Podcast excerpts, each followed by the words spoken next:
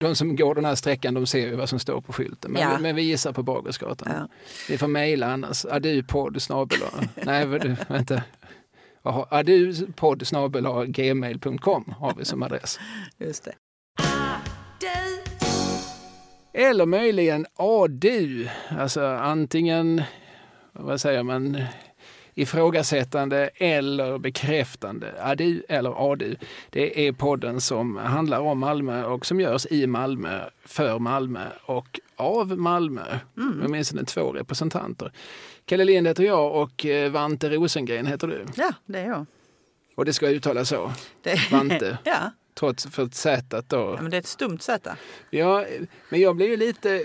Vi pratade om det här förra gången, att det, det har ju kommit fram att du de facto heter Vante. Mm. Dock stavat med Z. Ja. Men till exempel på Facebook så hittar vi dig under namnet Jeanette Vante Rosengren Ja. utan Z. ja, just det. Mm. Hur förklarar du det? Nej, det, det blir svårt. Jag känner nu att jag, jag känner liksom en eh, press från dig här. Ja. Lite attack så här på... Ja, attack och attack, men jag tycker att saker och ting måste tas fram i ljuset. Ja, och redas ut. Ja, jag vet inte riktigt. Jag bara upp, liksom slutade använda Z. Mm. För det är ju mest en sån där sak man använder i myndighetssammanhang eftersom det då står i mitt pass och i mitt ID-kort och så. Men eh, hur är det, heter du Kalle till exempel då? Ja, det gör jag. Ja, du gör det ja. Jag bytte namn för ett antal år sedan. Det är en historia jag drar ibland om att jag fick ju inte hämta ut brev och paket för att det stod Kalle på avin och Karl i körkortet. Ja, ja, ja. Mm.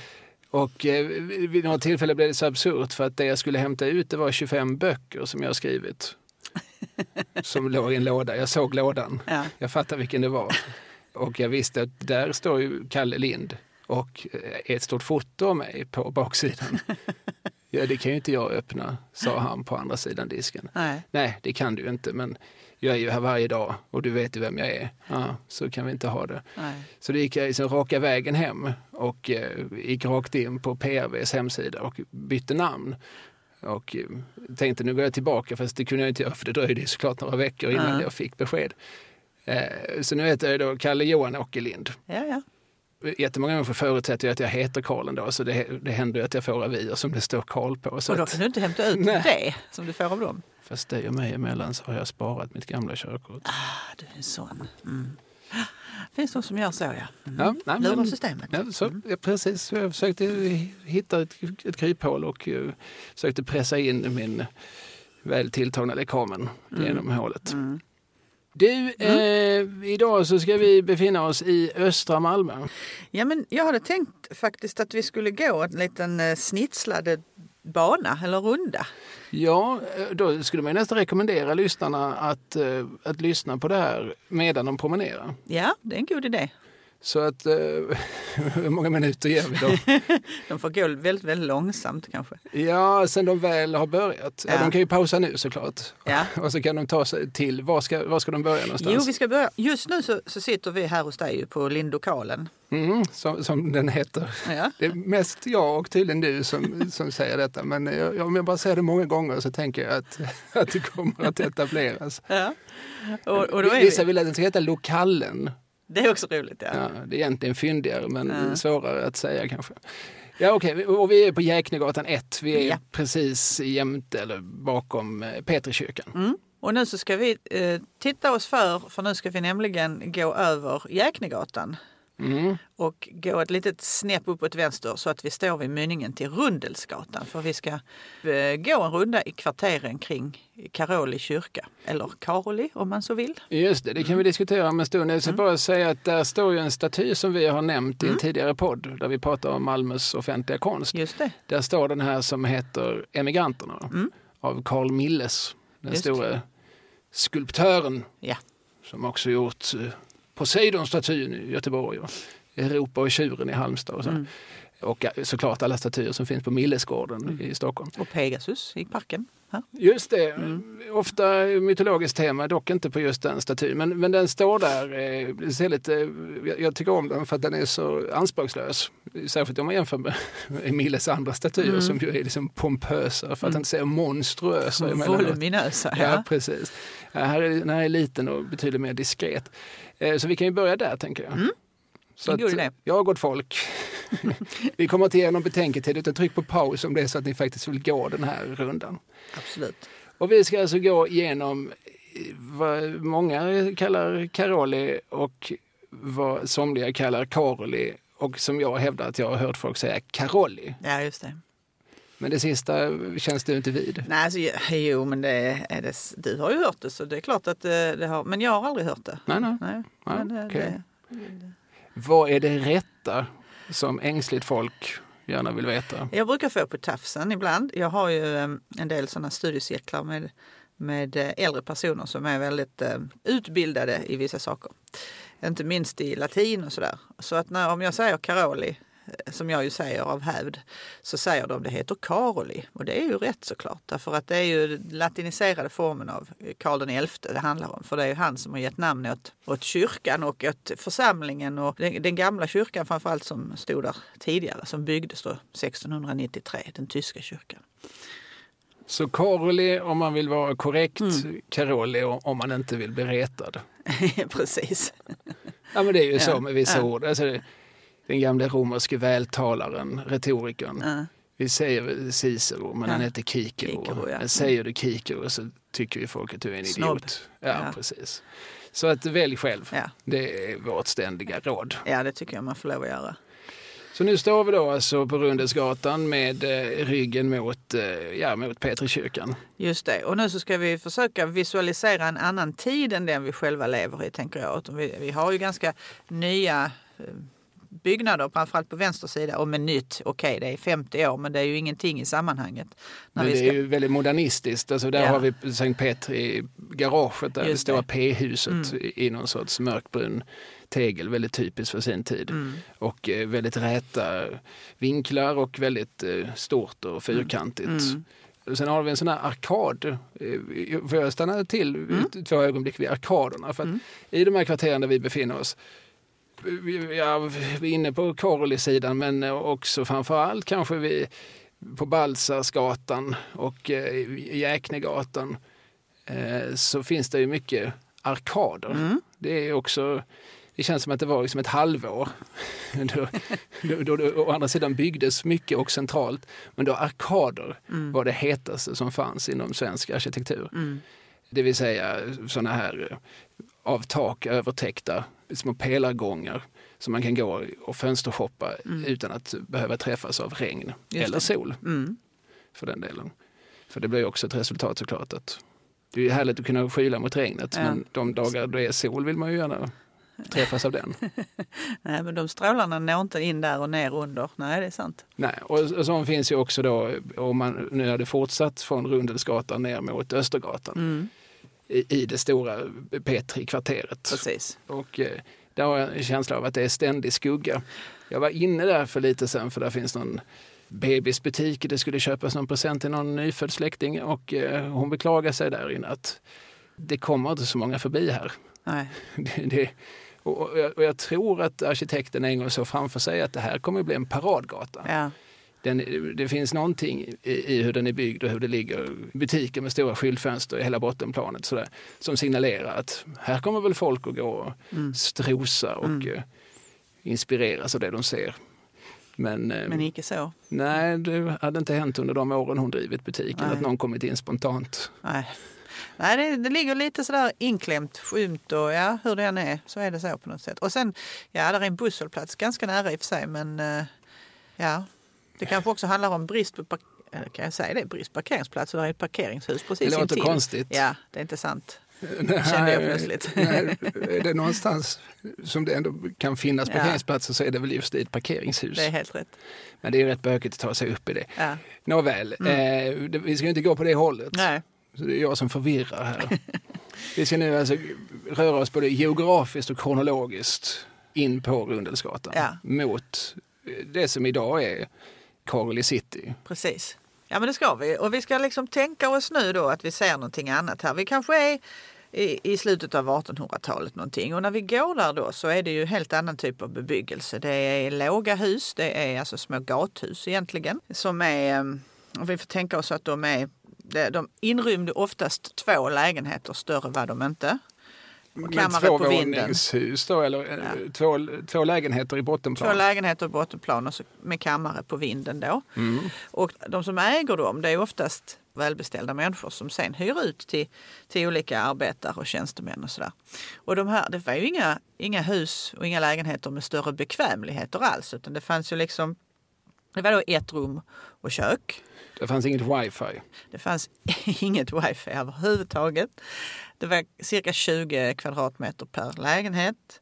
Ehm, det var inget avlopp, det fanns inget rinnande vatten. Det fanns naturligtvis då ingen centralvärme och ingen fast belysning. Så långt hade vi inte kommit än. Utan man, man ehm, eldade med, med koks eller med torv och sådär. Och så var det små fotogenlampor som man hade för, för belysningen. Och, det så här- dass på innergården. Dass, ja absolut, det var dass på innergården och man hade då en, en, en sorts vedspis i köket där man lagade mat och så. Det var så oerhört trångbott i Malmö vid den här tiden. Alltså, stora behov av att bygga mer. Människor, alltså invånarantalet fördubblas ju, det vet ju, vart 20 år ungefär. Sådär. Så att eh, då bestämde man så här, man skärpte bestämmelserna för hur man fick bo. Så menar man då från myndighetshåll att tre kvadratmeter, det var lämplig boendeyta per person. Mm. Ser det ut så hemma hos dig? Nej. Nej, det gör det inte. Ni har några fler kvadrat? Ja, ja, ja, precis. Jag tror mina söners lego tar upp mer än tre kvadratmeter och då har de ännu inte lekt med det på fem år. Nej. Nej, så ser det ju inte ut eh, för mig och det ser väl inte ut så för genomsnittssvensken heller. Jag tror att det kan se ut så nästan på, i, i de riktigt trångbodda lägenheterna i vissa miljonprogramsområden och så. Men, men tre kvadratmeter är ju väldigt lite och då är det ändå som myndigheten någonstans höjer ribban. Att Ja. man går in och säger att ja, ni bor för trångt, vi, vi måste se till att ni har åtminstone tre kvadratmeter. Visst, för många gånger bodde man ju också så här, man bodde många va, på samma ställe och man, man sov i skift för att man parerade ihop det så här att om du kanske hade ett nattarbete och jag hade ett dagarbete så sov du när du var fri och jag sov, sen bytte vi. Så, att, så man hela tiden höll sängen varm på något sätt. Ja, nej, men du, du ser glaset som halvfullt. Ja, nej, men det, det är bra så att sängen inte står obrukad. Nej, nej visst. För det vet ju alla vad som händer med en säng som, som inte nyttjas ordentligt. Precis. Ja, nej men så, så där, så där ser det ut när vi kommer in i gatan. Och vi får också, om vi börjar promenera in så nätt så till höger då så hade vi den kända fotograffamiljen Åhm, alltså Otto Åhm, Mm. som började etablera sig i Malmö och eh, som då hade sin ateljé där. Sen så bygger de nytt. Så han, så småningom blir han ju stor och expanderar och framförallt hans son som också hette Otto Åhm men kallas för Bebbe. Då byggde man liksom tvärs över eh, Ja, ett hus där man också bodde och hade sin ateljé och sådär. jag vill egentligen stanna upp här, liksom, Ja. var namnet Bebbe kom ifrån. Men, Alltså jag men- vet faktiskt inte. Nej. Det, ja, nej, jag, jag vill inte ens fundera. Men han, Nej, men O- O- Otto Ja. Åhm den Ja. yngre kallades för Bebbe Ja. för enkelhetens skull. oerhört känd fotograffamilj och de har ju också dokumenterat lite av omgivningarna där så att det finns ju bilder på hur det såg ut i de här kvarteren. Och då har man också börjat riva av lite av de här gamla eh, envåningshusen och byggt några våningar högre. I sekelskiftet 1900 någonstans där. Alltså då är det ett par våningar höga hus då. Men det ser ut på och gamla öster som det ser ut delvis på gamla väster. Ja, det kan man absolut säga att det gjorde. Och det gjorde det i vissa gator långt fram i tiden, nästan ända till slutet på 60-talet i vissa gator. Så är det, men det kommer vi till. Mm. Um, Så- tänker jag att, ja, Men vi, Otto Åhm han har alltså sin eh, ateljé. ja, fotostudio och ateljé där. Är det skyltfönster på det? Alltså, Ja, det är det. Så, så att eh, de här bostadshusen är uppblandade i någon mån med mm. verksamheter, Precis. kommersiella verksamheter. Ja men det finns det. Det finns olika små eh, verkstäder och snickerier och vad det nu kan vara för någonting. Bläckslagerier och ja. Och butiker gissar Mm, jag. ja, absolut. För att de åt väl på den här tiden? Ja, det, Även om det var dåligt beställt med det så var det väl fortfarande en nödvändighet. ja, man fick kanske inte tugga, tugga varje dag men eh, visst var det så. Det var ju Mm. mjölkaffärer och små, små eh, viktualieaffärer och sånt där. Absolut. Mm. Men jag tänker att vi ska förflytta oss lite bak i tiden. För om vi nu fortsätter längre fram på, på Rundesgatan så på höger hand så kommer det snart en liten öppen plats. Där det också finns lite längre in då en lekplats. Mm. Är du med mig? Ja, jag är med. Bra. Ehm, om vi nu tänker oss att vi är på 1600-talet, slutet av 1600-talet, så bodde här, då var det alltså hus på platsen. Och eh, då bodde här en Det var inte tysk. så många lekplatser i 1600-talets stadsmiljö. Nej, men det, det, det kommer faktiskt eh, inte förrän eh, Anders Kaspar Holm som eh, anlade den första lekplatsen för barn i slutet på 1800-talet eller 1870-talet någon gång. Men då var det inte liksom en lekplats som vi känner det idag utan det var mer liksom som en öppen gräsmatta där barn kunde springa omkring med Ja, ja. tunnbanden eller vad vet jag. Ja, nej, barn kan ju i praktiken använda vilka ytor som helst som Mm. lekplatser. Alltså, jag kan tänka mig att de, här fabrikerna och tunnbinderierna i någon mån också användes som lekplatser. Men, Ja. men det är ju ingenting som våra dagars säkerhetstänkande hade sagt ja till. Nej, det tror inte jag heller. Nej. Eh, Det var kanske många gånger också deras arbetsplatser. Ja, alltså, De precis. barnens, ja. ja. men de kunde förena nytta med nöje. Ja, nu sitter vi här och skojar om andras elände. Nej, det ska men vi inte men de är ju döda så de kan Ja. inte komma hit och, och spöa oss. Nej. Du, 1600-talet, ja. Ja. Jo, men då, för då bor på den här platsen en man och det tänkte jag bara berätta om för att vi skulle också förstå lite hur, hur den här eh, kvarteren har de på något sätt har varit ganska marginaliserade över tid. För då är det en man som heter Valentin Schadenhausen. det är ett bra namn. Ett bra, det är ett artistnamn. Det låter tyskt. Ja, han kom från Tyskland och han var headhuntad hit till Malmö. Han var nämligen stadens första urmakare. Och då tänker man så här, jaha, vad, vad, vilka ur fanns det att laga på den tiden? Men han hade ju ett stort uppdrag och det var ju tornuret på Sankt Petri kyrka. Ja, ja. Mm. Det, räckte med ett ur. Du får tänka dig också hans eh, vägen till arbetet var rätt lång. Det är ju 95 meter upp att klättra för höga trappsteg. Ja, jag skulle säga 95 meter är ingen särskilt lång väg till en arbetsplats. Men om det är om, vertikalt så, så blir det någonting annat. Jag har gått upp där i tornet. Har du varit uppe i Sankt Petri kyrka? Nej. Men jag ska bara säga så här. Har man minsta anlag för klaustrofobi så är det direkt skadligt. Då, då är det icke att rekommendera. Nej, det är det inte. Nej. Och sen så, jag gick där med en, en kyrkvaktmästare efter honom och eh, var tionde meter ungefär så var det en liten naken glödlampa som hängde och dinglade och spred ett visst sken då. Och sen var det ju kolmörkt resten. Så fick man då klättra upp och så gick man så runt sin egen axel kan man säga. För att så trångt är det här tornet och så höga trappsteg på det. Så att när jag väl var där uppe så tänkte jag nu blir jag här. För ner kommer jag inte. Var det så tänkte inte Schadenhauser? Nej, utan han, han, gick fick gå upp och ner varje dag. Och, eller när det nu behövde. Så Och kom man på, herregud, nu glömde jag, ju hammaren. Ja, precis. Men eh, det här tornuret är viktigt för att det styr ju faktiskt livet i staden med när ska man börja, när ska man sluta och, och så. Det har ju börjat eh, införas det här med tiden på det sättet. Och eh, det här tornuret hade då varit i bruk i ungefär 20 år och det hade gått fel mest hela tiden. Så att det var ju viktigt att han var där och såg till att det funkar. Sen fanns det ju också liksom borgare som hade, eller borgerskap som hade fickur som behövde renoveras. Och ibland skickar man efter honom från det astronomiska uret i Lunds domkyrka när det sakta sig eller gick fel eller så. Och i, likadant i Landskrona fanns ett tornur som han hade att göra. Men då hyrde Malmö stad ut honom så att säga. För att Ja. han var offentligt anställd. Absolut. Mm. Och han hade jättebra förmåner när han då kom till stan från början. Då bodde han i, i Söderport. Alltså i den byggnaden som stod i mynningen av Södergatan mot nuvarande Gustav Adolfs torg. Okej, där stod ett hus, alltså där gågatan Mm. mynnar ut. Mm. Alltså övergångsstället. Ja. Där stod en byggnad som innehöll porten som man knackade på för att få komma in i stan. Precis så. Och Och där fanns en liten där- gubbe som kom ut och sa, vad har ni här att göra? Ja, precis. Kan jag få titta på era papir? Exakt så. Ja. Och så i våningen ovanpå då så fanns det en lägenhet. Och i den flyttar Valentin in och han har gratis boende. Det är ju en bra löneförmån.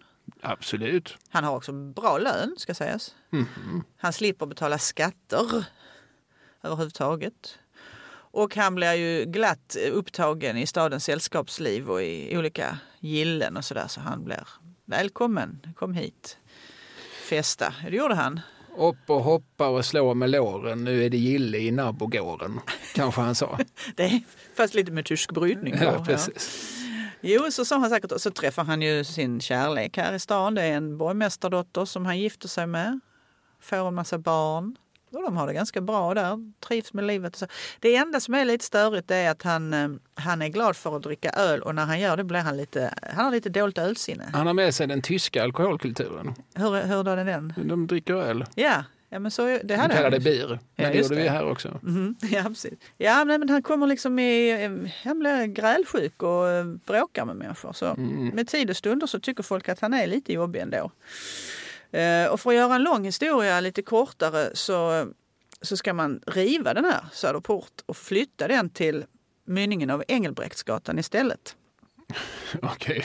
Alltså ett kvarter. Ja, därför att handelsmännen på Engelbrektsgatan de var lite arga därför att det var ju ingen som gick och handlade hos dem. Därför att kommer man in via Södergatan så är det ju det som är, det är där man handlar och så. Jag förstår. det Blir inte handelsmännen på Södergatan arga nu då? Jo. Kjell Company och ja. Teknikmagasinet och de som ligger där. Svenssons Lammhult och Ja. allihopa. Jo, eh, det är väl klart att de säkert också reagerade men, men eh, man hade ett beslut på det här så man flyttar den och då gör man en helt annan typ av port så att utan den här lägenheten. Nu får Valentin flytta till Rundelsgatan. Och det här vet du, det tyckte han ju inte om. Och hans familj. Alltså, det här är kvarter. Här bor ju bödeln. Vid de tider vi har en bödel i Malmö. Skarprättaren. Ja, Ja. visst. Här bor också rackaren som är bödelns dräng. Ja, rackarna har också hand om eh, djurhudar Ja, och så. visst. Alltså, man fick flå. Ja. Alltså sånt som, olika saker som var äckligt och Ja. lite, förmodligen ansågs också lite syndigt, lite smutsigt. Och ibland var de här människorna, de var ju själva, de hade gjort bort sig sådant själva så att de fick välja dö eller bli bödel. Ungefär så var det ju. Ja, ja. Då- Döda ja. eller dödas. Ja. Och, och sen bodde det ju allmänt då människor, ganska fattigt folk i de här kvarteren. Och det var lite, en lite annan standard än den han var van vid helt enkelt.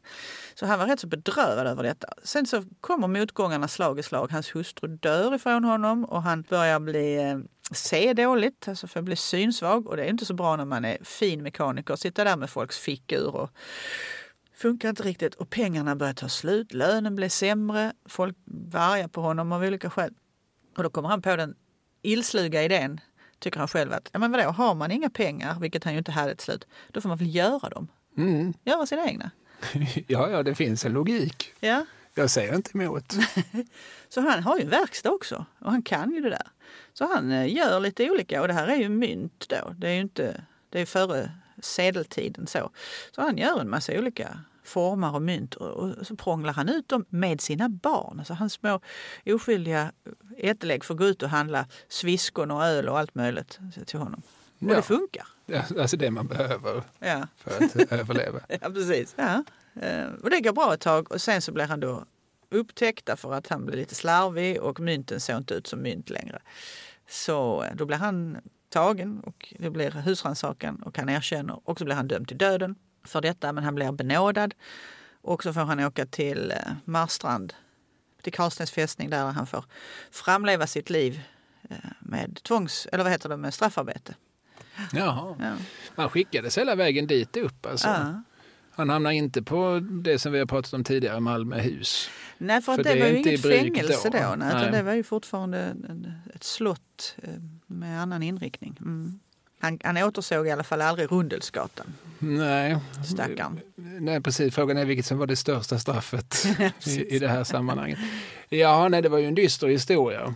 Eh, Men vad vi, alltså, kontentan vi kan dra av den här är att eh, det här är ju en liten stad vid tiden, men även i en liten stad så finns det väldigt tydliga klasskillnader. Mm. Att det, är ju- inte särskilt många hundra meter mellan eh, mynningen av Södergatan och Rundelsgatan. Ja, men precis. Men det är alltså två helt olika sorters klassmässiga världar. Ja. ja, men så är det. Och de, den byggnaden där han bodde i, det blir senare, det ingår det i en del av det här kvarteret, alltså där eh, hospitalet, alltså asylen finns. Ja, sinnessjukhuset. Ja. Mentalsjukhem har det hetat senare. Alltså psykiatrisk klinik Mm. skulle man väl kanske säga idag. Ja, precis. Eh, och det finns ju också i de här kvarteren. Så det ligger ju då i, i, i ja, Rundelsgatan är ju ena, ena delen då. eh, Där det här kvarteret finns. Men alltså ungefär där lekplatsen ligger. ja, precis. Där det var ett stort det. plank som gick runt om och som, som eh, då avskärmade asylen från övriga staden. Det, blev, det gick ju upp sen där i, alltså det blev ju Snapperupsgatan och, och Jäknegatan och Rundelsgatan som är liksom, och i Timmermansgatan som det hette förr, som avgränsar det här asylkvarteret med många, flera, alltså flera olika byggnader. Ja, okej. Okay. Mm. Och där dit skickar man dem som eh, då har fått olika psykotiska genombrott ja. och eh, som man inte längre anses kunna som inte längre anses kunna vara bland folk. Precis.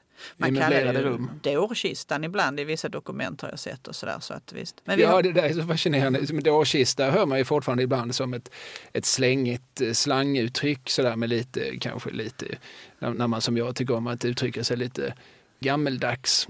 Men det har varit en offentlig term under en period. Mm. För alla de här beteckningarna, alltså, det, alltså dåre och stolle och fånig och så, det, mm. det hittar man ju i mm. offentliga gamla dokument. Absolut. Han, han, blev på sin ålders höst fånig. Ja, ja. Det låter ju knäppt när man läser ja. idag. Men eh, hur många satt där? Vet vi det? Oh, det kan jag inte säga hur många som var där samtidigt. Men det var ju en hel del alltså. Och det var ju både män och kvinnor. Och det fanns ju också en kyr tillhörande kyrkogård som hette Hospitalskyrkogården. Som inte, vi kan inte se den längre för man har ju byggt annat på platsen. Men för ett par år sedan så, så grävde man ju i, ehm, i Jäknegatan, jag tror det var E.ON som grävde för fjärrvärme eller någonting sånt. Och då blottades ju en hel del av de här gravplatserna. Så det låg en massa skelett och Människor stod i långa rader och fotograferade detta. Fotograferade gamla döingar? Ja. ja. Jag tillstår att jag var en av dem. Ja, det finns så många bisarra folknöjen. jo, men det kom ju dagen då där och men sen återbegravdes de ju. Men, och det var ju inte bara patienter såklart som begravdes där utan det var ju även eh, sjuktjänarna, alltså de som arbetade där och deras familjer kanske. Men vi har en, en, eh, en skildring av hur det kunde vara inne på det här hospitalet och det är en, en gammal bekant till dig och mig som har som har skrivit eh, om detta. Mm. Nämligen Amaltheamannen. Anton Nilsson. Mm.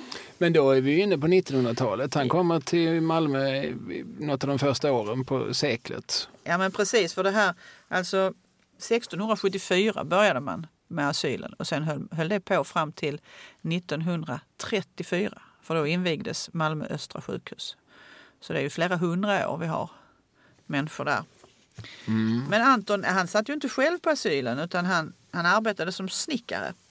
Och då hade han ett uppdrag där han har lämnat följande ögonvittnesskildring. Och då skrev han så här. Som timmerman hos byggmästare Lindgren hade jag tillsammans med en annan kamrat utfört reparationsarbete på ett kvinnligt hospital i närheten av Peterskyrkan. Det bestod av ett gammalt envåningshus, kanske gatan heter Rundelsgatan. I det rum där vi utförde reparationerna 25 till 30 kvadratmeter stort fanns dagligen 15 till 20 kvinnor medelålders och äldre. Alla hade sitt hår kortklippt. Och då, det var första gången jag såg kortklippta kvinnor reagerade jag. De var också alla klädda i samma kläder, i blått och randigt. De småsprang, gick, skuttade kors och tvärs i rummet, pratade och skrattade för sig själva, satte sig, rusade upp, stannade, stötte ihop med varandra och fräste till. Det var sinnessjuka människor. Här måste de dväljas dag in, dag ut, år in, år ut i denna gamla kåk med tjocka, enfärgade stenmurar med ynkligt små fönster. Borta från solen, från andra människor, från livet, förgätna, bortglömda, hemskt olyckliga. Denna dagliga syn grep mig djupt. Mm. Mm. Det kan jag väl förstå att han blev gripen av. Att han någonstans kände att det här är ett riktigt sätt. Mm. Alltså så är det ju när man konfronteras med människor som beter sig drastiskt annorlunda. Mm. Alltså då har vi ju, hur ska man säga, den vanliga mänskliga reaktionen är ju någon sorts rädsla, någon sorts eh, sådär. Och när de då dessutom är ganska många mm. så kanske man först blir rädd men sen så när man märker att de kanske inte är så farliga för min del då börjar man se runt omkring. Man börjar se kontexten. Ja. Att, är det verkligen det bästa för dem att dväljas mm. på den här liksom, pyttelilla ytan 24-7 ja. resten av sitt liv? Just det. Och han refererar också till något från hans barndom där han, det var en bondhustru i aska som måste vistas i ett tillspikat rum. Så att man hade ju såklart människor på landsbygden också som led av psykisk ohälsa men då hade man inga hospital kanske utan man bara spika in dem någonstans. Ja, i extrema fall. Annars var ju begreppet byfåne eller byidiot Ja, just det. som Ernst-Hugo pratar om i, i Hurvamannen. Min son han är ju en riktig byidiot. Det är ett begrepp vi känner till. Och eh, det kunde ju vara alla möjliga. Alltså det var ju antingen människor sådär som i tonåren fått sån här liksom ungdomspsykos och sen Ja. blivit så kallade kroniker. Eller så var det väl folk som supit sig till det. Eller så var det väl ibland alltså, folk som var födda med funktionsvariationer Mm. som vi då förväntar säga idag. Utvecklingsstörda och förståndshandikappade. De har hetat olika saker i olika tider. Ja. Idioter heter de i gamla offentliga dokument. Mm. Ja, men sådana var det gott om här. Va? Och, eh, och man, man kan ha det med sig. Liksom. Så vi har eh, psykiatrin här, vi har ett fattigt område och jag tänker att vi nu... Och vi har bödlar och rackare. och precis. Ja. Alla, alla möjliga marginaliserade människor. Om vi nu har det oss... Det är väldigt långt från Hammarby sjöstad. Ja, det är väldigt, väldigt långt från Hammarby sjöstad. Ja. Men eh, nu tänker jag att vi svänger in vänster på något som heter Kattsundsgatan. Vet du vad vi är då? Eh, Jag tror det. Ja, men det är, alltså det är väl den biten som går eh, mellan Rundelsgatan och Östergatan. Ja, men precis. Och då, är vi, alltså då har vi fortfarande på vänster sida och har vi väl eh, liksom baksidan av det tidigare nämnda P3 parkeringshuset. Det är väl där man kör, Vi har köra väl. Siriusorden direkt på vänster sida? Ja, precis. Och sen därefter så, Mm. så finns det en liten det. infart eller utfart från det här parkeringsgaraget. Och sen, så, sen kommer ytterligare en sån här koloss. Ja, den hänger ihop med tidigare nämnda hus med arkaden. Alltså det är ju, hela det kvarteret är väl ett enda stort hus egentligen. Eh, nu tänker jag alltså då Kattsundsgatan, Östergatan och ja, den heter inte Jäknegatan där utan den heter Den heter Mäster Nilsgatan. Mäster. Nilsgatan Ja. heter den en väldigt liten kort Mm. tarm. För sen blir det med Prostgatan Precis. eh, ungefär. Mäster Nils var ju också prost så det hänger ihop på något sätt. Ja, okej. Ja, och sen precis så har vi då, så på höger sida har vi Carly City, köpcentret. Så. Så går vi Kattsundsgatan fram och så tänker jag att man kan stanna till lite grann eh, precis när vi är så att vi ser entrén till Carly City. Eh, För att där, Från det hållet. från det ja. hållet ja. Ja, det är, jag skulle säga att det är den lilla entrén. Ja, såklart är det det. Ja, för det finns ju en större entré där det finns rätt mycket cyklar och där det finns rätt Ja. mycket yta framför som, som mynnar mot Kvarngatan. Ja. Men nu är vi alltså inte, nu är vi på, Nu är vi på sidan. Kattesundet som var en gammal eh, sankmark från början, därav namnet. Men hade vi stått där då, ja, det räcker att vi hade stått här nästan för 50 år sedan, för 55 år sedan så hade vi ligat inne i Jerusalemsgatan nu. Ja, Som gick, löpte igenom kvarteret eh, i en, ja, en böjd, lite mjuk rundad form så här. Parallellt med Rundelsgatan då. Och sen lite längre upp så kom det en gata till som heter Grönegatan som inte heller finns längre. Men de två gick igenom nuvarande Carl City. det är alltså två gator som åts upp av av ett eh, köpcentrum. Med, med, det är inte bara ett köpcentrum, där finns ju bostäder ovanpå också. Precis. Och eh, varför heter det Jerusalemsgatan mitt inne i, i de här kvarteren? Då det finns ju inget annat som direkt eh, hänger ihop med det. Nej, alltså en del skulle väl säkert gissa på att ja, där finns ju en kyrka och visst är Jerusalem en helig ort även för de kristna. Men eh, så är det inte. Nej, utan det här, det här hänger ihop med nu får vi tänka oss att vi är i början på 1800-talet, runt 1806. Då uppfördes ett väldigt stort byggnadskomplex som var ett helt kvarter, som en kasern nästan. Mhm. Som då, ja, folk flyttade in där. Det var 500 personer ungefär som bodde där, så det är ju ganska mycket. Och det var liksom, eh, när man kom in på de här gårdarna och på den här gigantiska innergården så var det som en liten stad. Där hängde tvättlinor och här stod man och pratade och här hade man, drack någon kaffegök och här hade någon sin cykelkärra och vad det nu kunde vara.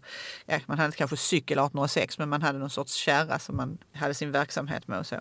Och då döper folkhumorn ganska snabbt det här området till Jerusalem. A.U. Isberg han skriver om det så här att att det hela verkade som en stor kasern där det myllrade av människor, mest ungar som dagen i ända lekte på torg och gator. Jerusalem blev snart ett tillhåll för gårdfarihandlare och schackrare av judisk och inhemsk härkomst. Det blev ett riktigt Jerusalem och dess vulgära namn upptogs redan på 1830-talet i församlingens kyrkböcker. Men det här är väl i analogi med områden som Little Italy eller Chinatown i, i Amerika. Det- Alltså, det är ju ganska vanligt att eh, liksom migranter och eh, utsocknes när de kommer till ett ställe att de söker upp sina likasinnade och så bildas en sorts community. Såklart. I Venedig så finns det ju ett kvarter som heter Getto. eller getto. Ja, ja. Mm. Och det är ju därifrån Från namnet har kommer, kommit. ja. Och det var ju just de judiska kvarteren i Venedig från början. Ja, Och eh, ja, sen har ju getto fått en annan innebörd. Liksom. Ja, men eh, man använder det väl, ja precis, alltså getto används i, i två bemärkelser. Antingen som ett, ett dåligt område, eh, som ett farligt område eller ett problemområde eh, där många människor trängs. Men ofta också liksom, med en viss etnisk, en etnisk avvikelse från normen. Alltså här bor en minoritetsbefolkning eh, i ett getto. Mm.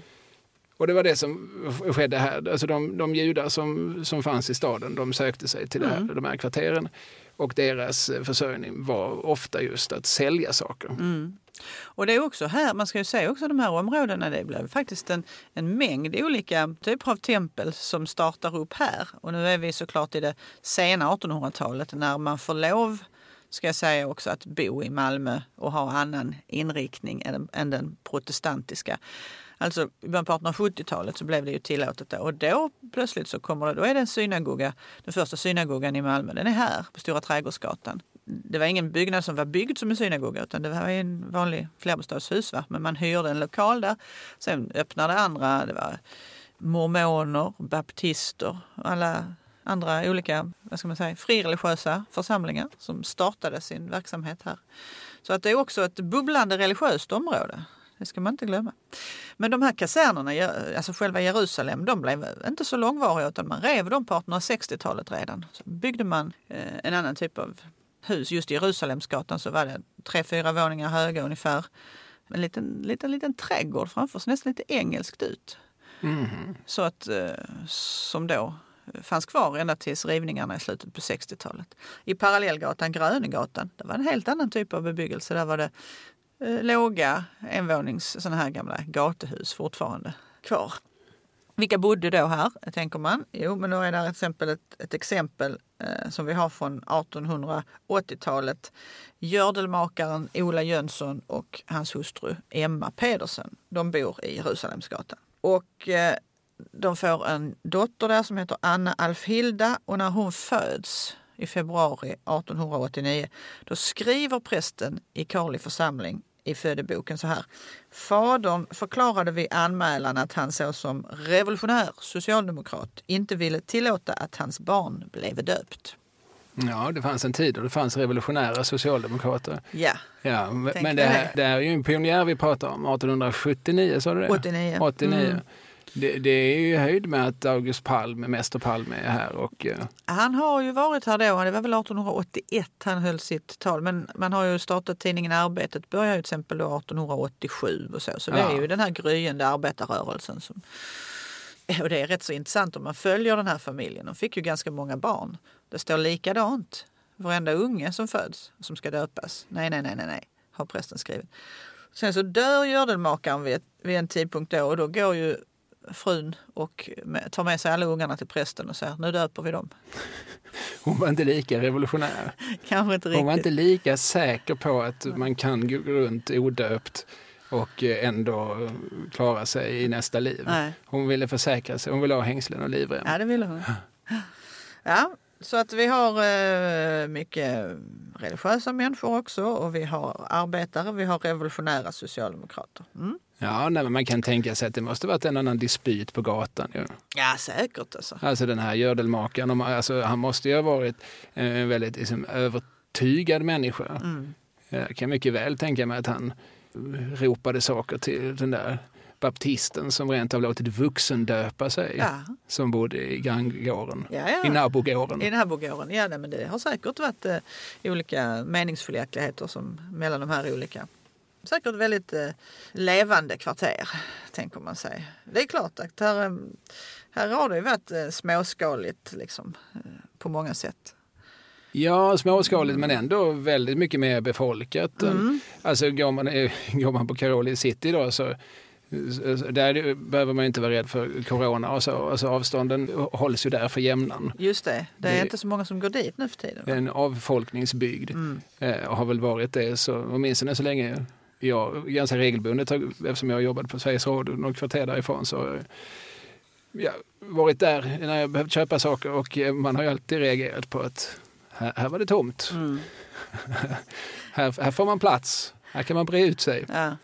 Eh, Men, Det är lite eh, lyxigt i dessa tider men det kanske inte är så kul för de som har butiker där. Nej, det är det ju inte. Det är ju lite sådär dödsdömt på något sätt. Mm. Alltså, eh, lite som jag pratade om de här butikerna i arkaden längs Ja. med Mästare Nilsgatan.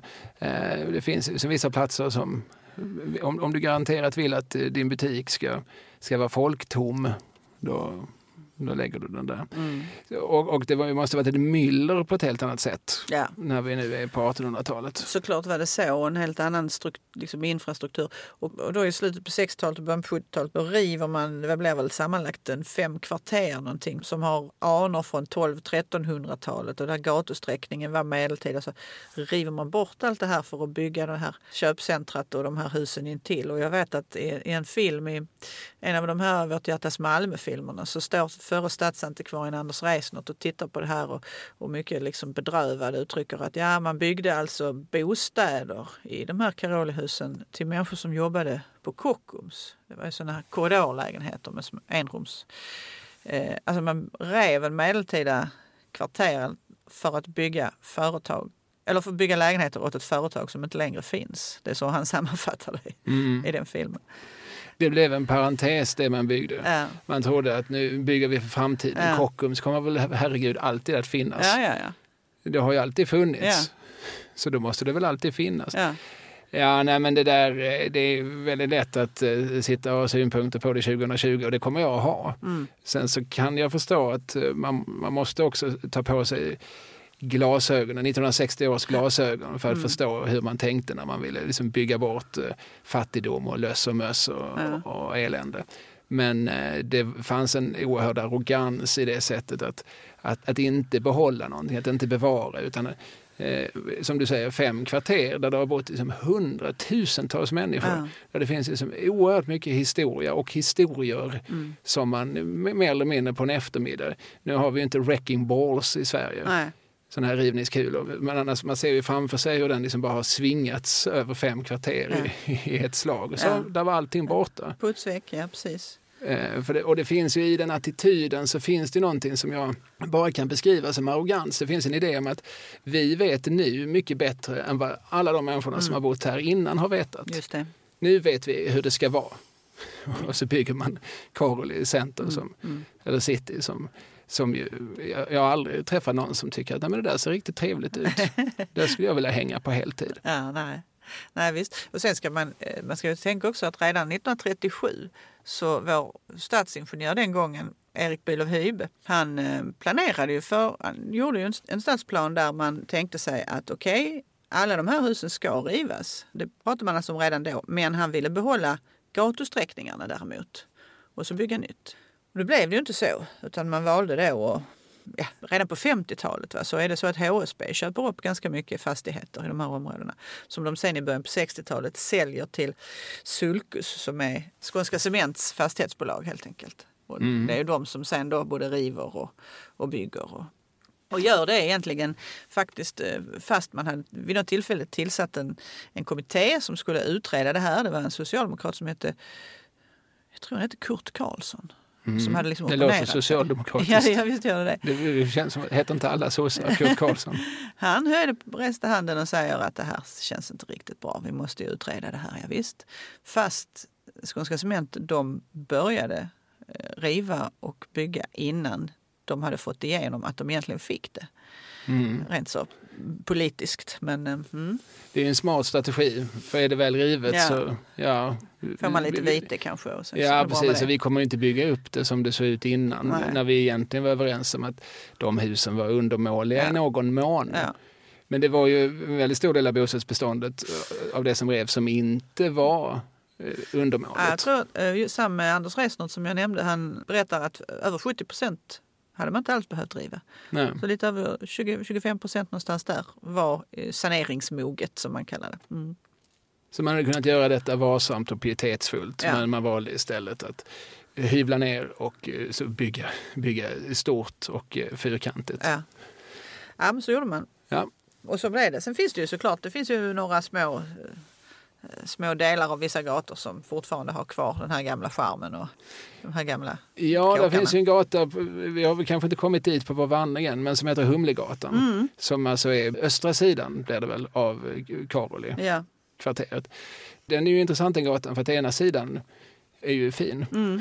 och andra är förskräcklig. Mm. Alltså man måste... Man, man kan inte gå rakt fram på den gatan, man måste ha huvudet åt sidan när, man, när man går Humlegatan ja, fram. För att absolut.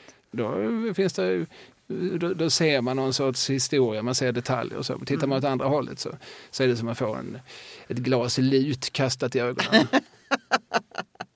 Ja, men jag är benägen att hålla med dig. Visst är det så. och där får man ju nästan en bild av, återigen av den här rivningskulan, att det var precis så långt fram det nådde. Ja, just det.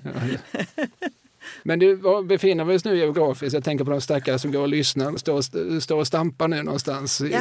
vid mynningen av Gamla Grönegatan. Ja, ungefär. det. Alltså, vi, vi har ju kyrka där också. Ja, och vi kunde, har vi kommit upp till den tänker jag. Så nu är vi vid mynningen där mot Östergatan. Den här lilla stumpen, alltså, nu heter den Kattsundsgatan hela vägen, men på den här kartan som jag har som är från 1875 så heter den här lilla stumpen Sankt Thomasgatan. Och det tycker jag kunde vara lite, man kunde nämna någonting om. Känner du till Sankt Thomas Alltså, i din helgonkalender? Vem var han? Jag är ju born and raised protestant. Ja. Jag, ju, jag kan ju Sankt Martin känner jag ju till.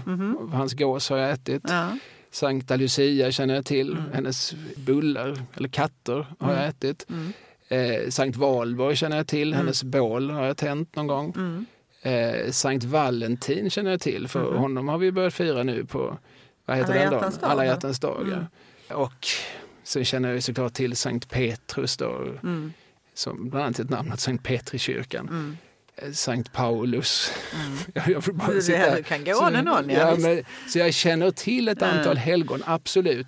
Men eh, Sankt Thomas, då tänker jag kanske att för Petrus var ju en av Jesu lärjungar.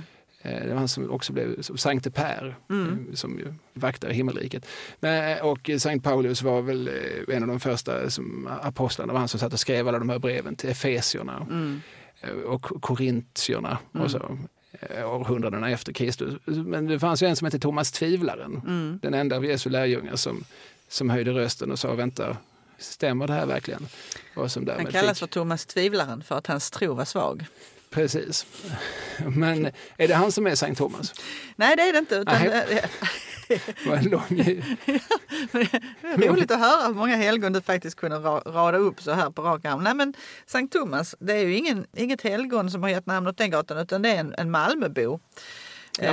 Eh, hur sanktig han var av sig det vetes men, men han eh, hette Thomas Thomasson. Ja, Han var en ganska förmögen borgare.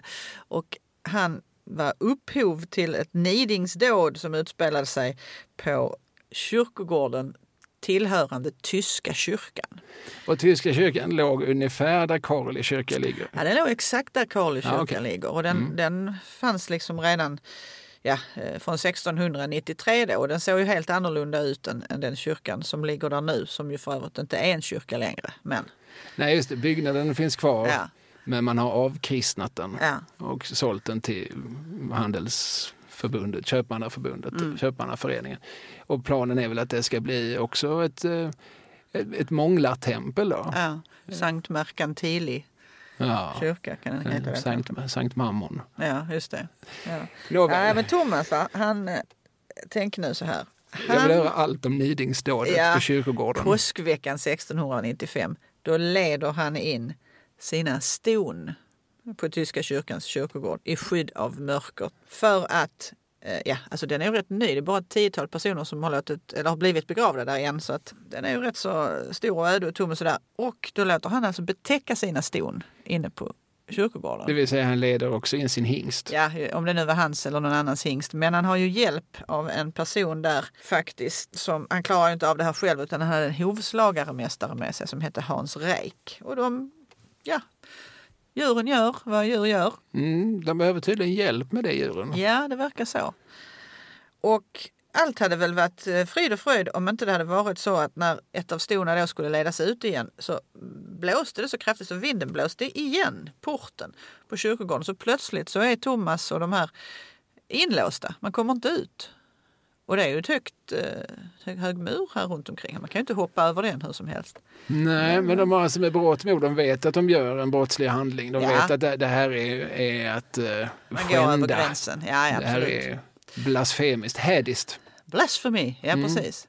Jo då, så att de eh, på något sätt så får de ju ropa så att eh, någon som möjligen har vägarna förbi hör detta, som kan hämta nyckeln och då kommer det till allmänhetens kännedom vad som har hänt och stadsfiskalen får reda på detta och tar ut stämning på Thomasson för denne, som det står, skandalöse förargelse och skandalöse gärning. Och så går det här ärendet till hovrätten. Det håller på att tragglas flera år faktiskt. Så det är inte förrän 1697 så fick Thomasson reda på att nu är du skyldig till det här också. Han har nämligen profanerat det rum som till ett heligt bruk varit invigt. Och så fick han betala 200 riksdaler silvermynt till tyska kyrkan. Det låter mycket och det låter som att var, varför behövde han gå in på kyrkogården överhuvudtaget? Och eh, Jag vet inte, han, hade ju, han var ju en så mycket välbeställd plats man. tar men- väl inte en beteckning? Jag vet inte. Och han kanske bara hade sina tre estimerade kvadratmeter. Fast det här var ju på 1600-talet. Nej, eh, det, det där lämnar många frågor. Det gör det. Men Mm. var det i den här vevan han blev kanoniserad och blev Sankt Thomas? Det är någonting med Malmöhumorn där som alltså då eh, träder fram. Men det är så. Ja. Det måste vara så. Ja. D- Därefter så Ja. ka- kallade folkhumorn honom Ja. för Sankt Thomas. Ja. Eh, Ja, det är ju roligt. ja, det är det faktiskt. Ja, så i alla fall eh, nu har vi, kliver vi ut från Sankt Thomasgatan på Östergatan och nu har vi ju den här kyrkan på plats som då kommer från 1880-talets början. Mm. En mycket demokratisk kyrka, precis som Pauli, samma arkitekt, Emil Langlet. Eh, Var man än sitter i kyrkan ska man ha liksom lika nära till prästen Ja. Ja, och höra lika bra och se lika bra. Så, ungefär så hade man tänkt sig. ja, jag förstår. Mm. Så predikstolen är i mitten. Ja, men på något sätt. eh. Men det här var ju inte så att, att det föll alla på läppen med den här nya kyrkan. Vi har en, eh, en kvinna som heter Alma Falkman som berättar om hur det faktiskt gick till när man rev den gamla kyrkan. Mhm. För det var ju också då, som vi sa, en kyrkogård. Den ser vi ju inte någonting av nu direkt. Va? Vi ser ju några stenar som, som är liksom satta i nederdelen av kyrkan. Om du går runt kyrkan så ser du gamla gravstenar som liksom är inmurade. Ja, som när man ser ut att luta sig mot kyrkkroppen eller? Ja, fast de är, man kan inte rucka på dem för de är inmurade. Liksom i. Mm. Men de har ju naturligtvis en gång stått på kyrkogården. Och Alma Falkman hon berättar ju om när man rev den gamla kyrkan hur man behandlade de här fanns vackra 1600-talsmålningar som man plötsligt använde som stängsel kring svingårdar och hönsgårdar och sådär. Det var ju inte så trevligt. Och sen dessutom så skrev hon Ännu mera upprörande behandlades de skelett och skelettdelar som kom i dagen vid grundgrävningen till den nya kyrkan. De kördes till benkvarnen, på Malmöspråk benmöllan, eller togos hem av förbigående, eller förbigående som ett slags souvenirer. Fadern till en av mina barndomsvänner hade länge i sitt rum en dödskalle därifrån. Antagligen har kvarlevorna efter en av Malmös förnämsta märkesmän, Frans Suell, även varit bland dem som så skändats. Okej, ja, det innebär att redan i historisk tid så hade man en, eh, ett icke-historiskt sätt att se på historia. Mm. Redan på den tiden så tyckte vi att eh, ja, men de här, som vissa då menar, det här är ju gamla ovärderliga målningar. Jo, Ja. jo. Men de duger ju utmärkt som plank. Mm, precis. Men lite pragmatiskt också på något sätt. Ja, nej, men det är ju så. Alltså, hade sådana skönandar som jag eh, fått bestämma helt själva så hade ju ingenting någonsin förändrats till, och aldrig till det bättre. Ja, men då hade ju allting bara förblivit på något vis eh, som lagd i en ständig malpåse. Alltså någon form av förändring förstår ju jag motvilligt att, att samhället måste ha. Men eh, ja, jag är på Anna Falkmans sida. Jag, ty jag tycker det låter förfärligt.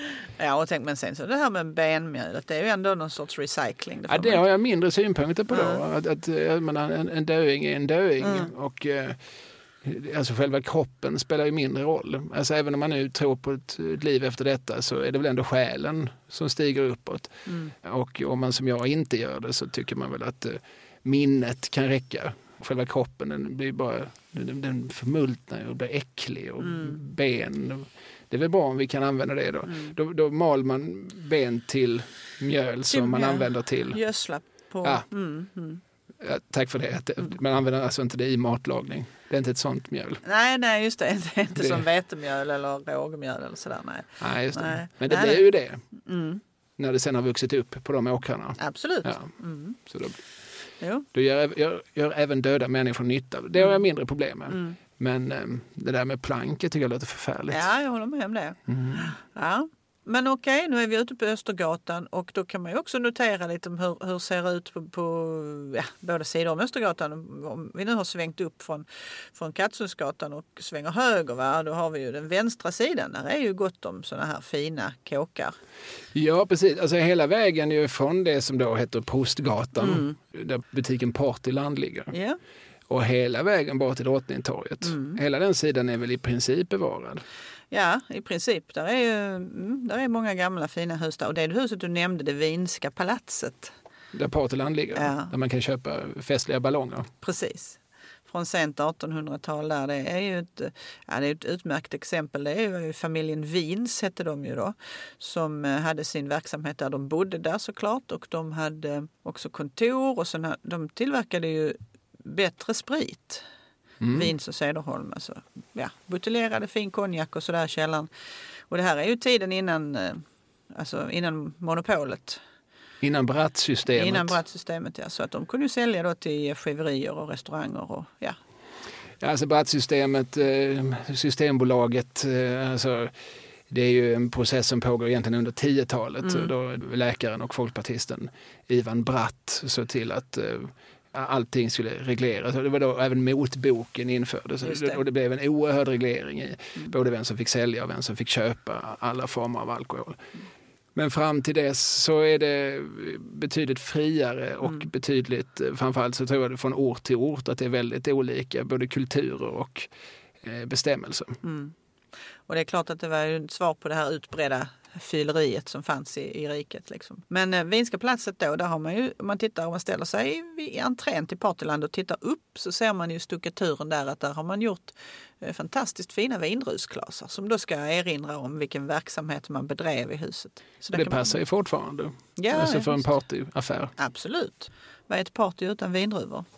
Ja, det, jag har inget svar på frågan för att för frågan var så sjuk för mig. Jag, kan inte ens, jag, kan inte, jag vågar inte ens föreställa hur mig. det skulle kunna vara. Nej. Det, den familjen har för övrigt, eh, det var rätt flott det här, det var ju Alfreda Video som ritade huset och så och sen så med tiden när de blev ännu, ännu rikare så köpte de Löfbröds slott och flyttade dit istället. Och sen när de flyttade in i den sista vilan så finns det på Sankt Pauli Mellersta kyrkogård ett jättestort, eh, liksom som ett litet palats nästan. Där då familjen Vins vilar efter döden.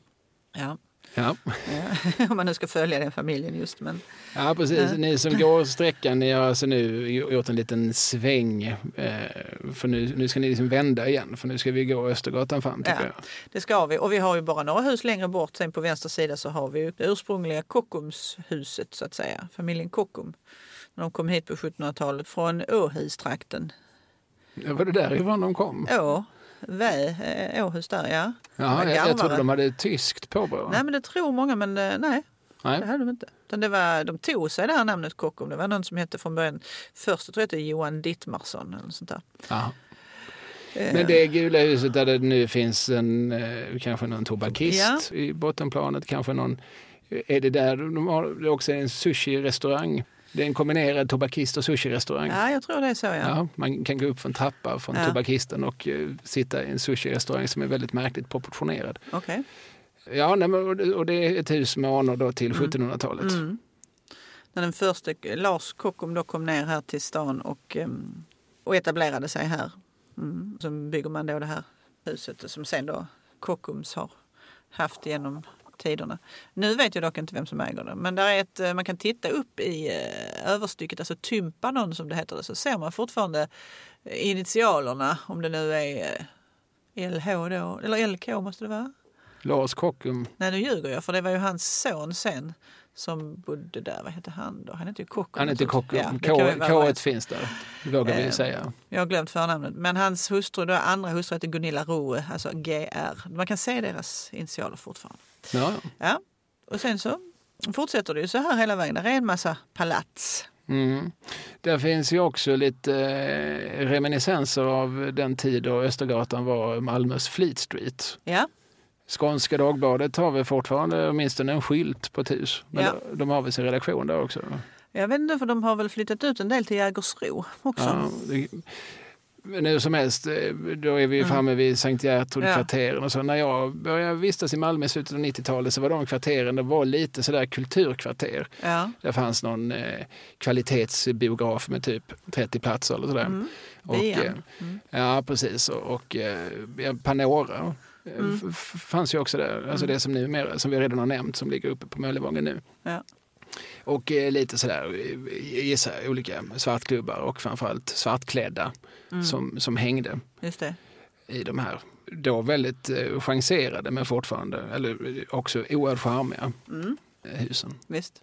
Så, alltså, det, det är ju som en liten, liten gatstump som sträcker sig ner till Norra Vallgatan. Ja, precis. Kan den heta Bagersgatan kanske? Där? Eller? Du ska inte fråga mig, det här är Kom, sånt kom, som kom. du förväntas kunna. Ja, nu blev jag lite villrådig här för att Ja, men det var intressant nu när du nämnde Sankt Gertrud också, kvarteret. För att det här är ju faktiskt Riksantikvarieämbetet. De kunde ju ha stoppat mycket av de här rivningarna, men de gjorde ju vissa ingrepp och vissa utlåtande. Och just Sankt Gertrud-kvarteret, det var ju också rivningshotat. Men där satte de ner foten och tyckte att nej, det här får ni faktiskt bevara. Och precis tvärs över gatan nästan så finns det ju också två hus. Då. Om vi- Om vi kommer nu så att vi har Carly City till höger, får går gatan fram. Så direkt efter SAS Radisson där så har vi det Tottska huset Mm. och sen har vi det Didenska huset. Och det Tottska huset är väl från 1580-talet någonting.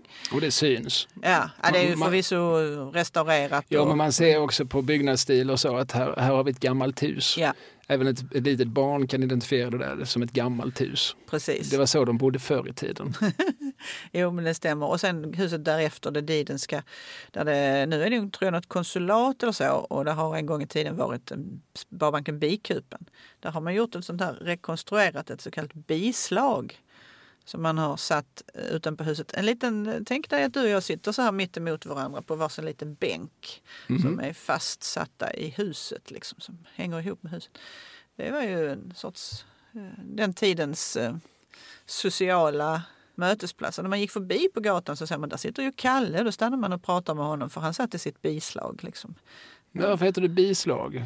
Hade man, hade man bin där? Nej, det tror jag inte. För när du säger bislag så associerar jag till duvslag som ju är där man håller sina duvor. Mm. Ja. Och då tänkte jag att man kanske hade bikupor. Men så var det inte. Nej, jag tror inte Nej. att det hade med det att göra. Jag vet inte riktigt var ordet kommer ifrån. Nej, Men- bi kan ju betyda många saker. Ja, bilägor och sådär. Mm. Ofta någonting med två. Men det är ju också en, en, en stekel. Ja, Nåväl, men vi går alltså Östergatan framåt Ja. med sikte på Drottningtorget och till Ja. vänster så har vi alltså Sankt Gertrudskvarteret och diverse hus med, med anor. Eh, och i de här kvarteren så växte väl eh, schack, matthandlarsonen Verup upp. helt riktigt. Han, hur det här schack, matthandlarsonen Verup, det är givetvis något citat från någon Fredrik Ekelund-text någon gång. Men det är ju roligt, schack, schackmatt. Eh, Ja. ja. Såklart. Och hans far var väl just eh, handlare i bland annat mattor. Ja, Äkta de mattor. Då. hade ju det här eh, Verups, alltså det fanns ju, de hade sin butik där just det hörnet, precis som du nämner mot, mot Drottningtorget där. Mm. Och de bodde också i fastigheten, familjen. Och han, eh, de, de hörde ju, tillhörde ju liksom ett lite övre skikt. Vet du vem Jacques Werup är kusin med? Nej, Mona Tumba. du menar inte detta. Mona Tumba, slim, hon med Slimklubben. Precis, som Ebba Grön sjöng om. Ja. Jaha. Och då, ja, på något vis, eh, det tar en konstig omväg för jag, jag inbillar mig att Jacques Werup har mer gemensamt med Ebba Grön än med Mona Tumba. Men det är henne han är kusin med. Nej, jag ska inte komplicera saker men, men eh, det väl ingen som minns särskilt mycket om Mona Tumba. Hon var så gift med Sven Tumba, Just det. eh, en av våra stora idrottsmän. Och någon sorts skönhetsmiss kanske? Ja, det kanske hon var i sin ungdom. Och sen så höll hon ju på där i som i skiftet 70-80-tal så Ja. hade hon Mona Tumba Slimklubb Ja. som alltså var någon sorts ja, viktväktarvariant. Mm. Det börjar ju lite grann då en sorts eh, så, skönhets hets som sen, alltså under 80-talet så kom det mycket gymping och viktväktare. Och, Susanne Lanefelt och ja, knip och sådär. Precis. Mm. Och hon var en, en pionjär. Och gumping. Gumping med Bengt Bedrup och Gun Hägglund och Gnesta-Kalle såklart på dragspel. Som, som man kan titta på på Youtube om man har väldigt mycket tid över. Detta apropå Jacques Werup. Ja. Eh, poet, estradör eh, och eh, inte minst Malmöskildrare. Mm. Man kan tycka mycket om Jacques Werup. Han kanske hade en sorts mansideal som man kunde ha som 40-talist. Mm. Som jag som 70-talist kanske tycker känns lite dammigt. Men han skrev ett par böcker, framförallt om Malmö, som är väldigt läsvärda. Mm. Och en heter Hemstaden mm. och den är från 81. Och då har han bott ett antal år på Österlen tror jag. Mm. Eh, jag vet inte om han flyttar tillbaka till Malmö men det är väldigt tydligt ändå liksom ett sorts hemvändarperspektiv. Ja. Han kommer här likt eh, Rolf Lassgård i Jägarna. Kommer han tillbaka hem? Eller ja. Mikael Nyqvist, är så som i himmelen. Ja. Kommer Jacques Werup tillbaka hem och, och, och, ser sin stad förändras. Och, så dubbelexponeras den stad han ser nu med de minnen eh, som finns i honom. Mm. Och då är det väldigt mycket Karoli som, som är hans barndomskvarter. Mm. Och han har väl en del att säga om. Eh, han, ja. han är inte alldeles nöjd med Nej, han har ju en hänt. helig vrede i sin penna va, när han ja. skriver om vissa saker. Och jag tänkte jag skulle citera lite grann faktiskt. Just ja, det tycker vi... jag är gott du kan göra, för, för det, det brukar vara en fröjd. När... Chack kan man inte få för lite av, känner jag. Eh, inte för mycket av heller kanske. Men i alla fall, Östergatan har han ju skrivit mycket om. Och så här skrev han i Hemstaden. Det var ett romantiskt stråk innan de stora förändringarna hade kommit igång på allvar. Måtte till exempel företaget Sulcus, om vilket ingen människa i framtiden kommer att ha något gott att säga, bolaget som dödade kvarteret Magnus Smek, det medeltida, få sin fördömelse. Det hjälper inte att man åt eftervärlden sparade ett ynka valv som sitter där inne i den nya banklokalen likt ett patetiskt och alltför nymålat utropstecken efter nidingsdådet. Måtte planeringsmännen på Sulkus få undslippa den akt av barmhärtighet som tiden har i beredskap åt alla oss vanliga dödliga syndare, glömskan, må de ihågkommas i evigheter och grillas i sina gravar. Ja, det var ord inga visor. Det, det får man säga. Och Jacques var arg. Han var... Eh, jag kan ju hålla med honom utan att ens ha sett hur kvarteren mm. såg ut innan. Mm. Eh, för, för, man går och tittar på Karel och tänker att vad som helst måste ju ändå vara bättre än detta. Mm. Eh, och då vet ju ändå Jacques, för, för, att han nu är han på något märkligt vis uppvuxen i en, en väldigt skyddad värld. Ja. På, för på den sidan av Östergatan så är det välbeställt. Men han tvingas då, då gå över Östergatan och in på Humlegatan och in i, i de här kvarteren som vi har beskrivit. Och ja. där ser han ju att det är ett helt annat sorts liv. Och det är ju ingenting som han, alltså det har ju förstånd att säga att det här är också, här finns mycket fattigdom och elände och utslagenhet och så. Men eh, han liksom jag och, och gissar jag du tycker att eh, det fanns kanske andra sätt att eh, sanera än att göra som man gjorde. Ja men precis, och han, han väjer ju inte för det alls. Det är som du säger, han går ju i skolan i, i Österportskolan va? på Norrgatan dit vi kommer om en liten stund. Så. Men han, han skriver ju om detta också, att han, jag citerar igen lite kort här, se ner för Norrgatan, gubbar i hörnen, man var rädd för dem, drömde illa om dem. Grand Bazaar med alla sina filmstjärnebilder, Roy Rogers, Gottisaffären, smulor för fem öre, senare alfapastiller med fotbollsidoler, Kajan Sandell. 1952 började jag i folkskolan, Österportskolan. Jag minns fattigvärlden längs skolvägen. Alla de låga fuktiga husen är nu borta. Ingen saknar fattigvärlden, inte ens som historiskt jämförelsematerial. Skolan då, Österport, illa ansedd. Jag minns trångboddhet och smuts hos klasskamraterna i Trädgårdsgatan och Kvarngatan. Jag minns stora, grova, slitna föräldrar och lukter och språk och röster som inte hörde hemma i mina föräldrars värld. Nej, precis. Men eh, han ser ju på detta med två öppna ögon. Han, mm. han inser att eh, det var inte så att allting var bra och tjusigt och romantiskt så som det en gång var. Nej, visst. Och eh, det är en fattig värld han kliver in i när han ja. passerar Östergatan. det gör han precis. Absolut. Det är liksom en, en skiljelinje den här, den här fina, fina gatan. Det är också en av Malmös äldsta gator ju faktiskt. Som då, den heter ju Den Lange Ädelgärde hela vägen. Jag tror den är en och en halv kilometer någonting från, från Drottningtorget i öster liksom, till ända bort till, till slottet i väster nästan. Ju.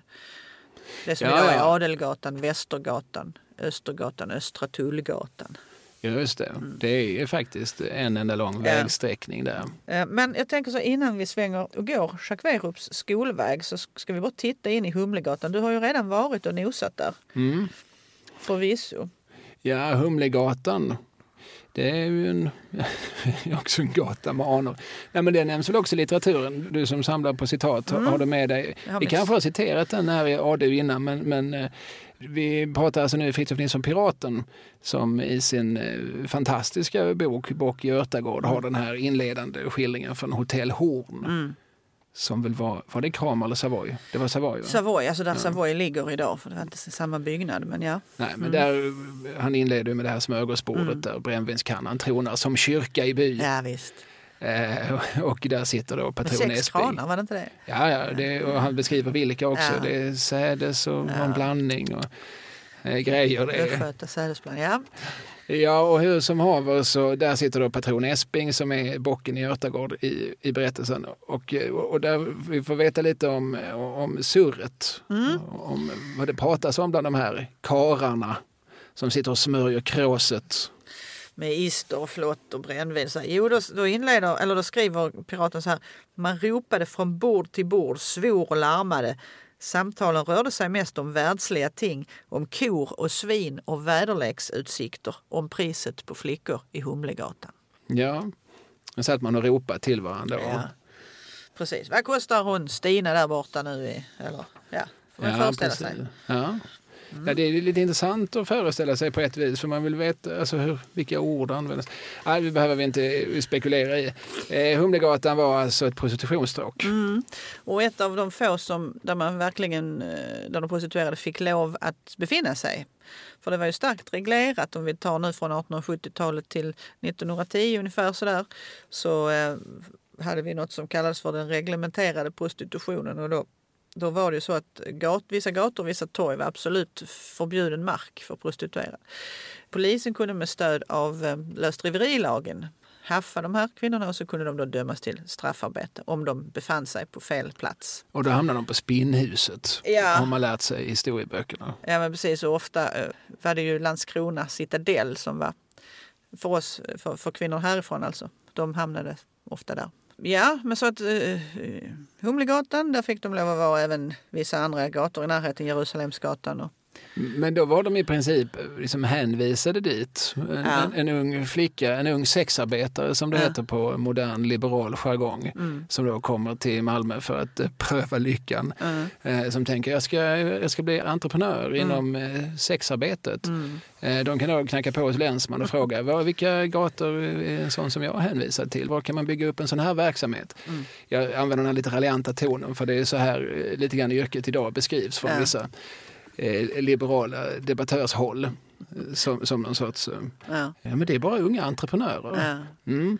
Eh, Men de här unga entreprenörerna då, de, då sa länsman Humlegatan mellan där och där Mm. eh, och ingen annanstans. Precis. Man kan ju säga, också, som, säga med Frida Stenhoff som var debattör vid tiden att det, det, ingen av dem som var de här sexarbetarna de kom ifrån goda ekonomiska förhållanden. Det ska man ju ha med sig naturligtvis. Nej, Så förvånande va? jag trodde det var rikemansmamseller allihop. Mm. Ja, Ja, nej. nu- Det har du blivit lurad genom historien här. Ja, Du kan, man kan gå till Stadsarkivet faktiskt och titta i den här boken som heter Detektiva polisens liggare över lösaktiga kvinnor.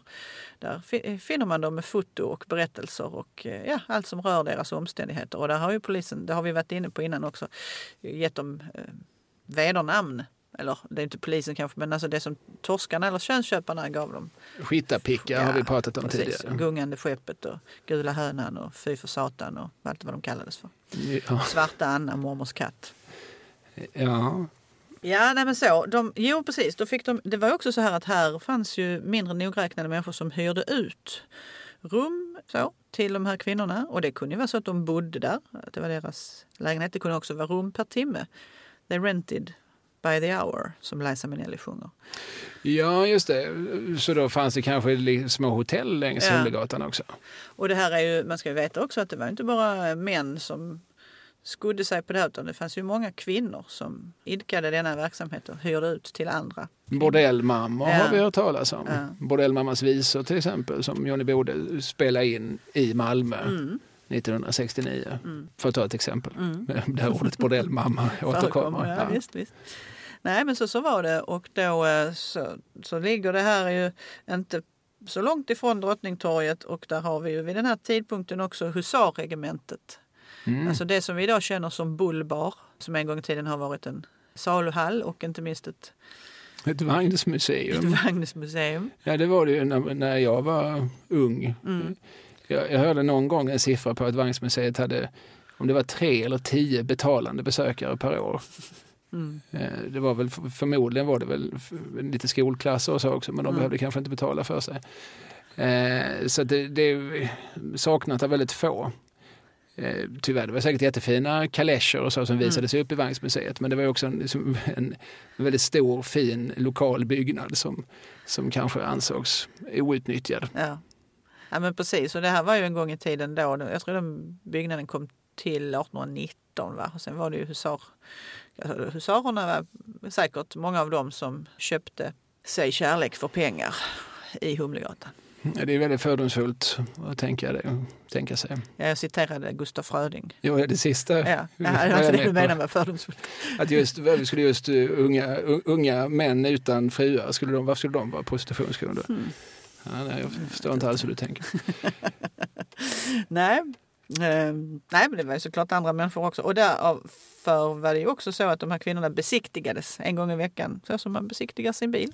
En gynekologisk undersökning. Hette det gynekolog på den tiden? Fanns det något, någon annan beteckning? läkare. Alltså det var ju kvinnoläkare, Ja, kanske man sa. kanske man sa. Som då eh, så, kollade så att de här inte hade några könssjukdomar. För då kunde de ju sprida dem till de här herrarna som många av dem är säkert också hade familj och hustru och så. så. Ja, och då skulle det ju drabba Ja, fy för rikemansmamsellerna. Och så kan vi ju inte ha det i ett anständigt samhälle. Nej. Eh, och eh, då behandlades de på något sätt. Ja, om de hade fransosen eller vad man nu hade så var det ofta sådana här kvicksilverbehandlingar. Och frågan är hur mycket bättre man blev av det. Nej. Ja, det, ja, precis det. Jag har inget svar på den frågan. Men, men eh, Men de togs ur tjänst. ja, det här är ju innan penicillinet. Mm. Innan Cornelis kunde sjunga. Där stod jag och pinka och släppte små skrin. Tack om och lov om för penicillin. Ja, Ja. han hade fått någonting då kanske. Ja, nej, men det är väl eh, en av de sånger jag- vet som handlar om könssjukdomar. Mm. Och vad jag var lycklig i natt. Dam nummer ett sa, jag älskar dig så. Ja, det gör jag sko alltså, sa dam nummer två. Ja. Men eh, var det någon som visste att eh, varje lycklig fylla har en bakfylla? I varje glädje bor en tår, så var det Cornelis. Ja. Ja. ja, han kunde han. Men som tur var fanns ju penicillinet. Men det fanns ju inte förrän på 20-talet. Nej, just det. Så innan dess fick man lida. Ja. Mm. Man fick lida och svida. Rid i natt, svid i morgon sa de kanske då. Mm. Nu blev vi lite slippriga. Ja, det var Ja, nu bra. eh, tar vi och rycker upp oss för Mm. den sista biten av promenaden. Nu svänger vi ner på Norrgatan. Där har vi gått tidigare med, med vår vän Jacques i hans följe. Vi passerar då Österportskolan som ju är byggd slutet på 30 början på 40-talet som ju faktiskt var alldeles nästan nybyggd när Jacques Werup gick där. Mm. Och det är märkligt att den redan då har, har fått ett dåligt rykte kan man kanske tycka. Eller? Ja, nej, men det har väl hänt förut. Alltså, det har väl lite grann med dess placering att göra. Då. Om, om, själva kvarteren i sig har en stämpel på sig att vara en fattig värld så är väl även skolan det på något Mm. sätt. Ja men så, så är det ju säkert. Och på samma plats där den ligger så låg ju tidigare också en skola som hette Östra skolan. Eh, som byggdes eh, någon gång på 1840-talet, 1848 om jag inte minns fel. Mhm, I höjd med folkskolereformen. Ja exakt, så det var faktiskt jag tror Malmös första eh, alltså, folkskola som var byggd för sitt ändamål. Inte så att man hyrde några lokaler att vara i utan man byggde den här. Eh, Och Österportskolan finns ju kvar. Eh, Den ser kanske inte likadan ut, det vet jag inte. Men den sträcker sig ju nästan ända fram till kanalen. Mm, det gör den. Och då svänger man sen in på Stora Nygatan om man går in på den Om man snutten. och kommer på det, ja precis. Jag tänkte vi ska fortsätta lite längre fram och svänga höger blir det på Stora Kvarngatan. Ja, ja, vi, precis, vi gör halt lite innan. Vi, vi, vi hinner liksom inte riktigt passera Österportskolan nu utan vi svänger in innan dess. Ja precis, eh, precis för den ligger ju här sen då ja. Precis, Mm. man fortsatt. Utan vi svänger Stora Kvarngatan och eh, går rakt fram och då har vi ganska snart Carly City ja, precis. Nu har vi gått i någon sorts eh, cirkel, eller Ja, running runt som det heter på, på skånska. precis. Ja, och på Stora Kvarngatan, eh, där låg en gång Kvarnvideo. Där låg en gång Kvarnvideo. eh, Stora var, Kvarngatan 32. ja, som var, tror jag, åtminstone en av Malmös absolut mest välsorterade DVD-butiker. Mm. Där kunde man hitta sånt som man nu hittar på nätet med, med en- snabb googling. Men även sånt som man faktiskt inte hittar på nätet för att eh, det är en myt att allt finns på nätet. Ja, ja men det är det ju. Eh, nej, det var väldigt välsorterat och väldigt, eh, det var ju också en fröjd såklart att stå- stå och bläddra Mm. och hitta filmer som man inte visste att man ville se. Nej men precis. Och i det huset som video då inrymdes i, det är ju byggt då precis slutet på 80 början på 90-talet ju. Mhm. I de husen som låg där innan de äldre husen. Det fanns en fantastisk eh, sån här second hand-affär vet jag när jag i min ungdom jobbade nämligen på Österportskolan så jag hade detta som en väg till och från arbetet varje dag. Det var min bosättningsaffär, där handlade jag allt som jag behövde för min nya lilla lya. Eh, Men vad jag inte visste då det var att i det här huset i två stycken femrumslägenheter ovanpå varandra. Mhm. Det hör till saken nu att huset var då rivningshotat. Detta i mitten på 80-talet någon gång. Där bodde en av Sveriges stora popidoler. Jaha, Mm. eh, då tänker man kanske Nils Jensen, Dan Tillberg, Dan Hylander. Eh, jag försöker hitta någon kvinna här. Eh, Mm, Det behöver du inte för det var en man. Ja, Okej. Mm.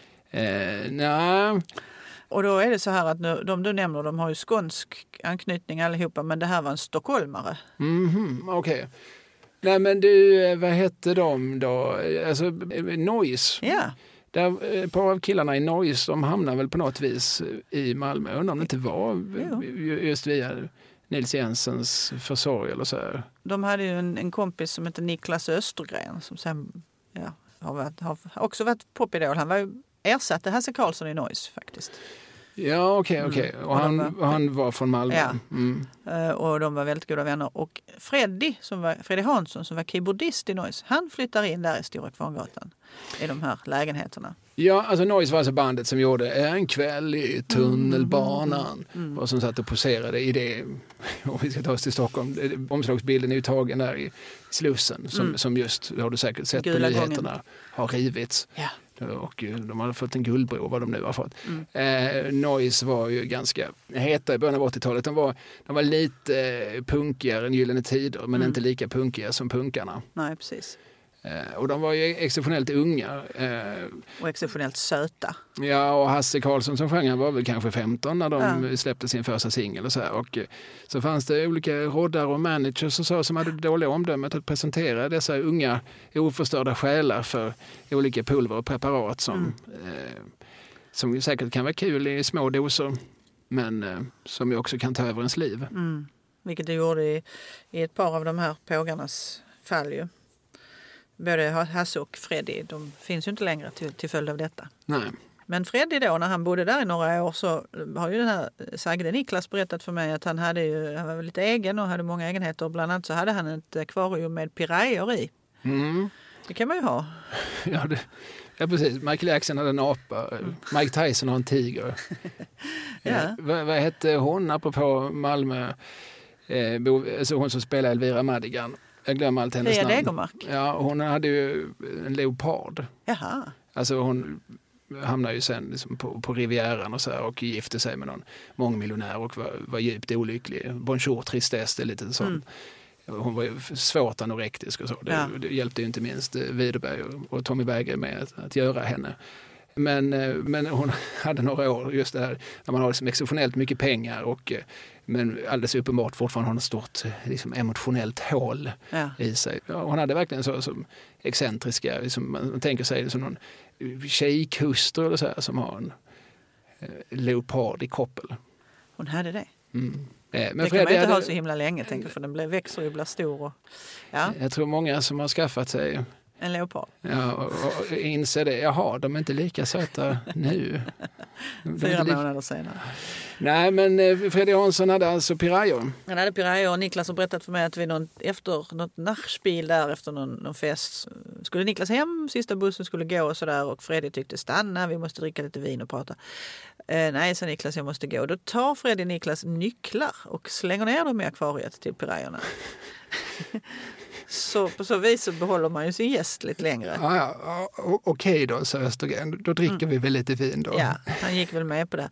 Och sen nä- nästa dag då skojade ju Freddy och sa att nej, men du vet, han stack ju ner handen där. Det var ju inga sådana pirayor som, som var farliga på något sätt. Det finns väl olika varianter, inte vet jag. Men, eh, Det kanske inte ens var pirayor. nej, det kanske det det kanske var små- abborrar. ja, ja, precis. Ja. Nej, men eh, många sådana historier fanns det kring den här eh, excentriske och mycket begåvade Fredrik Hansson. Freddy Hansson. Som alltså, han spelar keyboard va? Ja. i Noise. Mm.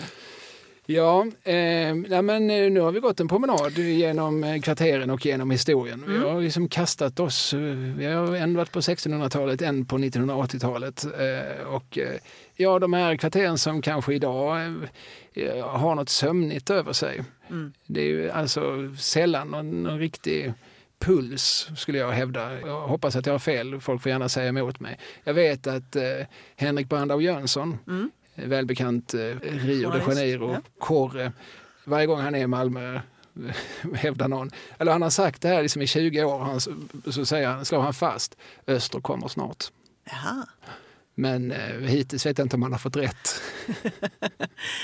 Nej, men, men hoppet är väl det sista som överger. Å andra sidan, Östra Förstadsgatan har ju ändå på något sätt fått någon blom. Där är ju oerhört mycket uteställen och restauranger och pubbar och sånt där som har blommat upp de senaste åren tycker jag.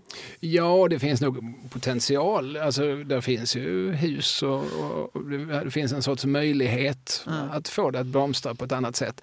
Men jag tror att eh, vi är många som har varit tacksamma om man gjorde som man gjorde på 60-talet och hyvla bort Karl i kvarteret Mm, mm. och byggde hus och gator och, som en stad som kan andas Ja. på ett annat sätt. Precis. Där Men- människor trivs, ja. Mm. Ja, precis. Men eh, ja, ja, vi eh, har fått oss Karli, Karoli, eller möjligtvis Karoli, kvarteren till livs. Mm. Så att vi kanske ska göra halt här. ja, det kan vi gott göra. Nu är vi tillbaka där vi började. Nu, Ja. står vi återigen vid Carl Milles emigrantstaty. Och Precis. så nu tittar vi in, eftersom det är du och jag som går den här resan, nu kan vi gå in här där vi faktiskt sitter. Det är bara att passera gatan. Exakt. Så är vi tillbaka där vi Ja. började. Här vid mikrofonerna. Du var inte Mm. eh, alltid lika trevligt. It's my pleasure. Vi eh, gör ju den här podden för att det är så himla himla kul. Men det är ju också trevligt om, eh, om Bante kan få en slant för besväret. Och Kalle tycker jag. Ja, men jag sitter ju bara här och, och, och trivs. Du sitter här ändå liksom. Ja, precis. Eh, och så vill man bidra till det här så kan man då göra det via något som heter patreon.com. Patreon.com. Där kan man söka upp ADU-podd i ett ord med två D. Eh, och så kan man skänka en slant om man vill. Jag tror man gör det i euro. Eh, Jaha. så att man kan ju passa på när euron står lågt. Mm. Eller högt, beroende. På vad man vill, ja. Ja. Ja. Eh, men då, då säger vi så. Ska vi höras igen om två veckor? Jättegärna. Sarvi, Gör vi. hej! Hej.